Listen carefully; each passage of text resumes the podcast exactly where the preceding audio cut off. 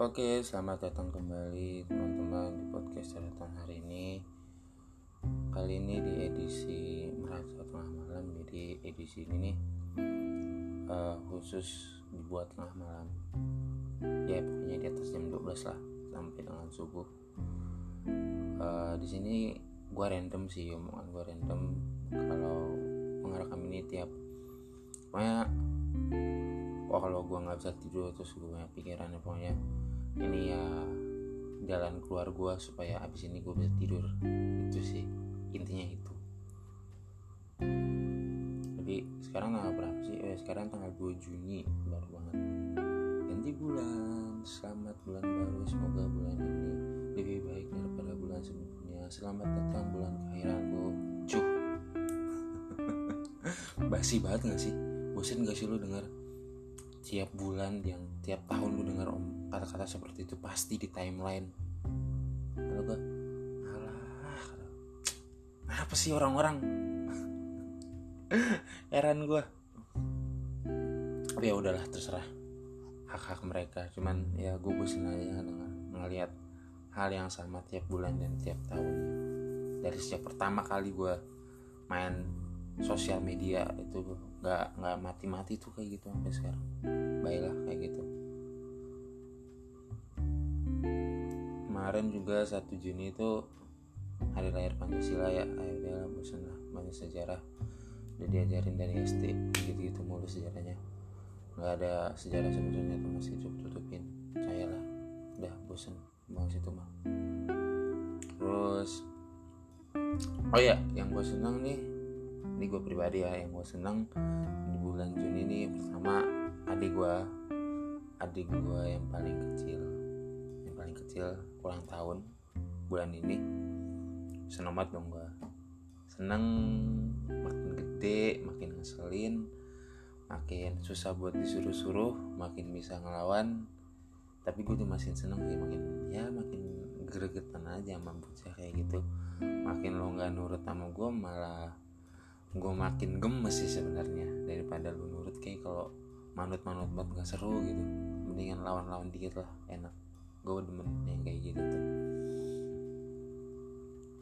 Terus juga yang kedua ini yang paling gue ini gue udah gue tunggu dari beberapa bulan yang lalu eh itu dikit lagi dibuka pem, dibuka pembelian tiket buat stand up comedy world tour dari Panji Pragiwaksono stand up spesialnya yang ketujuh.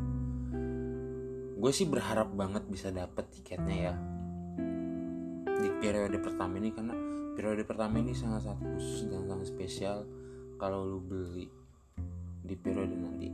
Btw periode pertama pembelian ini sama dengan tanggal ulang tahun adik gue jadi wow bener-bener gila. Tanggal itu benar-benar gue tunggu dari berbulan-bulan yang lalu gitu. Kenapa kenapa pembelian pertama ini sangat spesial? Karena gue kasih tau aja nih ya 20 pembeli pertama di kategori apa pun mau lu silver, gold, platinum atau diamond 20 pembeli pertama nih lu dapat bisa masuk ruangan khusus di mana itu ada gratis minuman, gratis makanan, lu bisa ngambil gratis merchandise merch dari Panji dan karya-karyanya lu bisa ngambil sepuas lu itu gratis bayangin. Merch gratis terus karyanya gratis karyanya itu kalau dilihat dari tokonya yang di Tokopedia itu ada ada hood ada hoodie ada topi ada buku-bukunya ada DVD-nya kalau emang misalkan dikasih situ kata gue gila itu bener-bener harta karun sih menurut gue buat gue gue yang terutama buat gue yang demen sama Panji ya yang ngikutin stand up dia. Gue gue gue ngikutin dia banget lah gue tahu dia. Dan itu tuh gila gue ngincar banget sih yang 200 tiket pertama semoga gue bisa dapat amin. Terus di 2500 pembeli tiket pertama itu dapat kartu prioritas buat foto setelah shownya selesai. Jadi Panji tuh tiap shownya dari dari spesial dia yang pertama itu pasti dia selalu foto bareng sama penontonnya. Dan dan spesial kali ini tuh penontonnya itu 7500 lo bayangin ini pertama pertama kalinya dan setahu gua stand up comedy spesial dari Indonesia. Ini penonton terbanyak sih menurut gua. Terakhir kali Panji tuh kalau nggak salah penontonnya itu 5000 dan sekarang 7500 dan ini tuh terbanyak penonton spesial terbanyak. 7500 bayangin dan tempatnya di Istora Senayan. Mungkin teman-teman sekalian pendengarnya pendengar ini udah tahu Istora seperti apa. Kalau gue sih jujur gue nggak pernah ke Istora jadi gue nggak tahu tuh bayangannya seperti apa. Cuman kalau gue lihat gue gila itu gede banget sih. Yang gue tahu ya Istora itu tempat tanding bulu tangkis kalau nggak salah ya nggak sih? Istora Senayan. Terus kalau ada konser-konser dari band luar negeri penyanyi luar negeri penyanyi nasional juga. Setahu gue suka buat konser di situ atau ada acara-acara musik di situ tuh sering tuh di Istora dan Istora tuh kan modelnya lapangan gede nih bukan lapangan sih apa ya? Lantai gede nih segede gede banget gitu. Terus ada bangkunya kan ngeliling itu.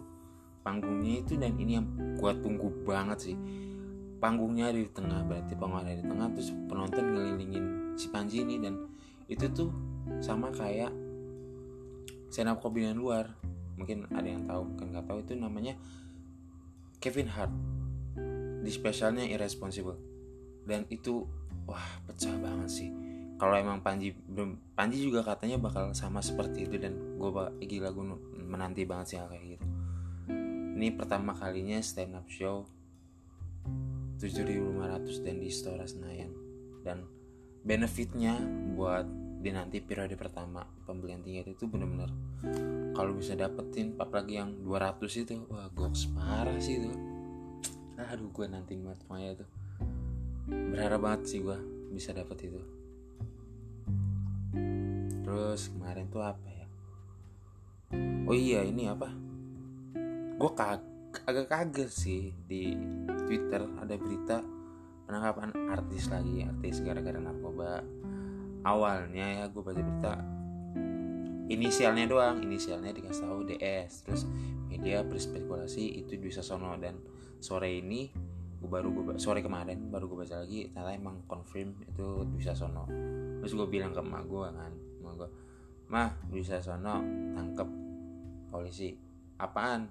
Narkoba ya? Iya ganja. Alah dasar itu uh, biasalah uh, emak-emak seumuran kita seumuran emak emak seumuran anak-anak seumuran gue ya pasti anggapnya tuh artis. Ya harus baik harus baik banget kelakuannya harus baik ya pada umumnya lah gimana sih yang kalau udah artis kena polisi gara-gara narkoba tuh langsung wah ngina. Langsung waduh kata gue bisa langsung emak gue juga gue juga agak aneh sih ngeliat emak gue kayak gitu bisa dengan mudahnya menjudge orang yang dia tahu cuma dari televisi doang. Yang dia pikir yang di televisi itu ya dia sebenarnya padahal kan nggak juga gitu loh.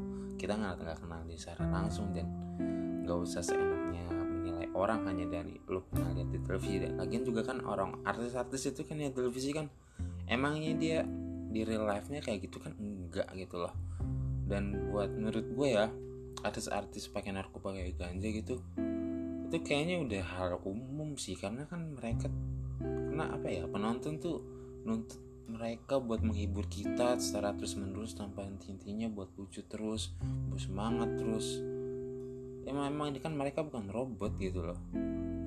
Apalagi kalau mereka udah artis papan atas pasti jobnya banyak tenaga juga harus banyak. Kan mereka juga manusia gitu. Maksud gue hal-hal seperti itu ya emang pasti sebagai pelarian mereka bukan pelarian juga itu sebagai jalan keluar untuk bisa nambah stamina semangat segala macam. Kan efeknya juga seperti itu. Walau emang kalau disalahgunakan memang tidak. Tapi kalau ini ya baru gue baru ini lagi nih gara ini soalnya nggak nggak kayak sebelum-sebelumnya kayak nggak uh, apa sabu gitu. Ini kan ganja kata gue ganja ya. Gue mikir aduh kenapa sih negara ini sama ganja tuh masih sangat sangat apa ya strike gitu? Masih sangat kaku gitu dengan ganja. Padahal negara-negara maju aja udah mulai udah mulai fleksibel sama ganja udah mulai dengan ama medis gitu udah bisa dijual belikan asal ada pokoknya ada ada regulasinya lah. Kenapa sih? Kenapa nggak dibuat regulasi? Itu kan tanaman. Tanaman dibuat nih ya yang gue percaya nih ya setiap hal yang yang ada di dunia ini tuh nggak mungkin gak ada manfaatnya sih menurut gue kalaupun yang kita nggak tahu itu jelek semua gue sih positif tetap positive thinking. Manusia masih belum mampu untuk melihat sisi baiknya. Itu aja sih menurut gue dan apa ya ganja itu nggak kenapa di negara ini selalu dipandang jelek terus gitu? Kita nggak melihat kenapa pemerintah nggak mau melihat sisi baiknya? Selalu menutup mata menapikan selalu berpa, berpaku terhadap kasus-kasus yang jelek. Kenapa sih? Kenapa menutup mata terhadap itu? Kenapa pemerintah nggak mau menerima kalau emang ganja itu enak para aparat-aparat negara nggak mau jujur gitu kalau ganja itu sebenarnya enak. Ya gue nggak pernah nyobain sih sebenarnya cuman rasanya aneh aja dengan kita kan negara berkembang ya sedangkan negara-negara maju aja udah mulai udah ada regulasinya. Yang penting kan regulasi gitu loh ada aturannya. Udah selama ada aturan kan negara juga bisa ngatur tetap aja. Tetap aja masih bisa ngatur kok kenapa nggak bisa santai gitu dengan buat aja aturannya. Susah amat gitu ya. Apalagi ya. Uh, oh iya. Ini buat DKI ini ya. PSBB belum ada kabar nih. Diterusin atau enggak? Padahal terakhir hari Kamis besok. Sekarang udah tanggal 2 sekarang dari Selasa dua hari lagi hari Kamis. Nggak tahu nih PSBB mau lanjut atau enggak. Cuman katanya ya gue dapet info nih dari bapak gue katanya ganti namanya ganti. Jadi pembatasan sosial berskala lokal. Apa tuh jadinya? PSBL pembatasan sosial berskala lokal. Jadi itu orientasinya itu udah bukan seprovinsi lagi tapi se RW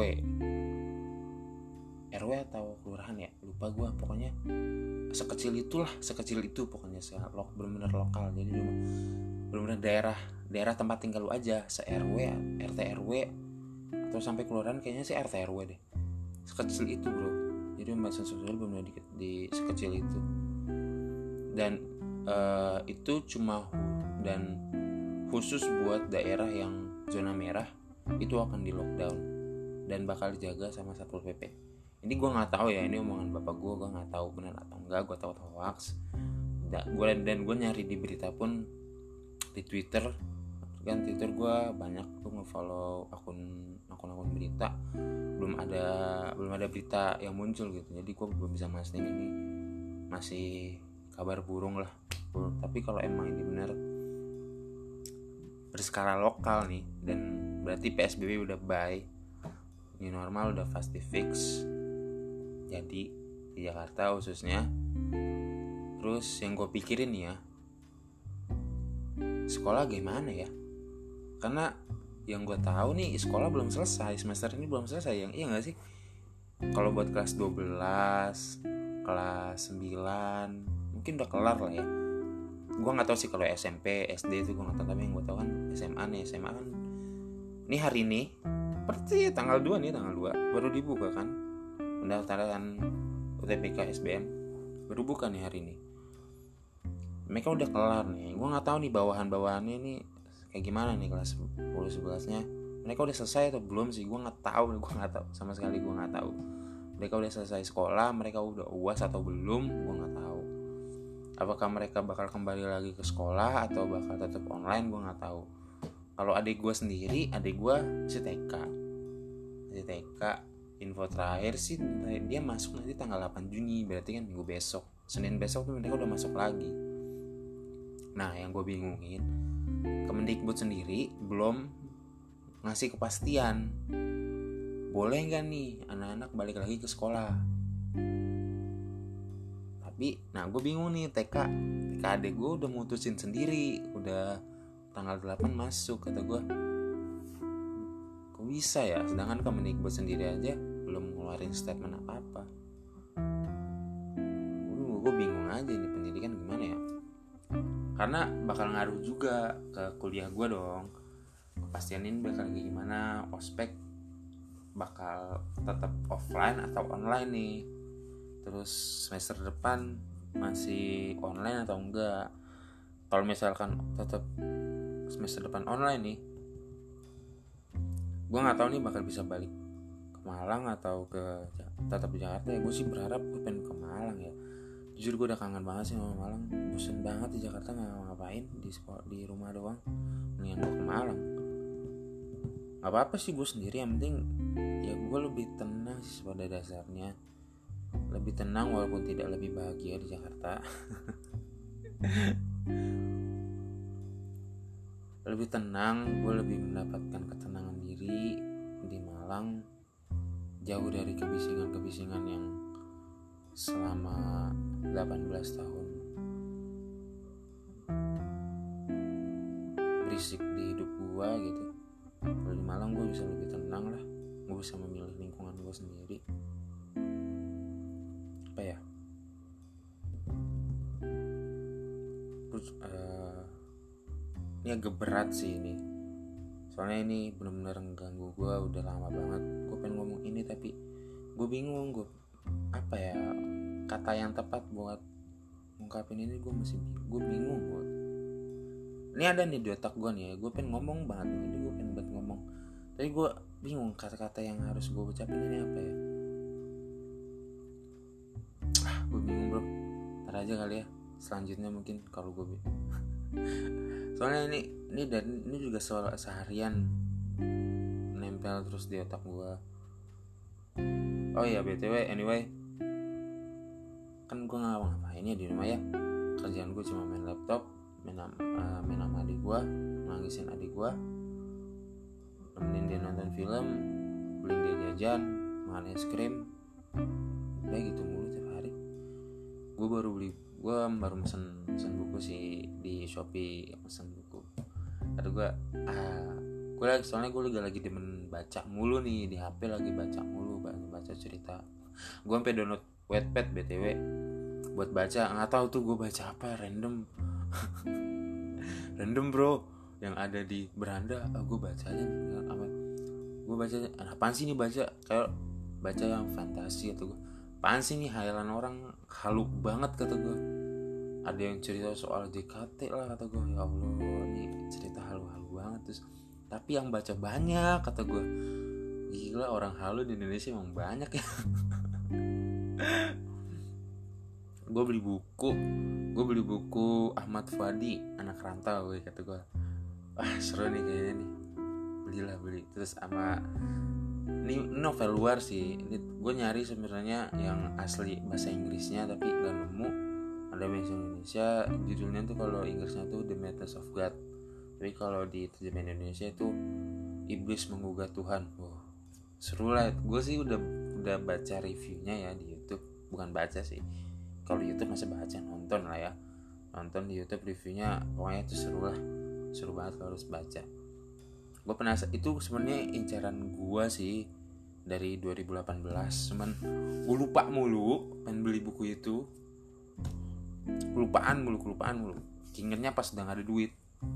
Dan sekarang lagi ada duit alhamdulillah. Ingetan beli jadinya. Semoga cepet datang tuh buku. Biar gue bisa mengisi waktu dan semoga dengan buku itu gue bisa tidur dengan lebih mudah dan lebih cepat tidak harus seperti ini merekam suara gue sendiri ngobrol dengan diri gue sendiri. Yang sebenarnya gue seneng sih gue seneng. Cuman masa ya gue tiap hari tiap malam tiap tengah malam merekam seperti ini yang ya masa seperti ini terus sih bro. Adalah aktivitas lain yang bisa mengisi hari-hari gue yang mengisi hari-hari gue gitu loh. Bosen kayak gini mulu. Ya udah itu aja sih oh iya mungkin apa ya? Gue mau ngasih tahu aja sih. Ini podcast sebenarnya suka-suka gue gue nggak ngebuat ini buat pendengar buat kalian yang dengerin. Gue ngebuat ini bukan buat kalian. Dari awal gue ngomong podcast ini cuma sebagai pelarian gue buat menangin diri gue dari kegaduhan pikiran dan dalam diri gue supaya bisa gue tenang gue bisa tidur lebih nyenyak pikiran gue lebih plong. Ya ini podcast ini sebenarnya buat diri gue sendiri. Jadi buat kalau kalian yang dengerin podcast ini sampai selesai nih sampai ini sampai selesai gue makasih banget mau dengerin ocehan gue gue anggap gue soalnya kebayangin ini depan gue ada orang sih ada orang yang benar-benar uh, mau nyediain kupingnya buat mendengarkan ocehan gue karena sejak di Jakarta nih sejak pulang tuh gue mulut gue kebungkam. Gue nggak punya tempat cerita. Gue pengen ngechat temen gue tapi gue masih sungkan banget gue takut. Gue takut ngeganggu karena gue tahu aktivitas setiap orang tuh beda-beda. Gue nggak tahu kondisi dia kondisi mereka saat ini seperti apa dan sejujurnya gue pengen cerita banyak temen-temen gue cuman ya itu tadi gue tetap masih sungkan. Gue cuma nggak mau ngeganggu urusan mereka. Gue nggak tahu.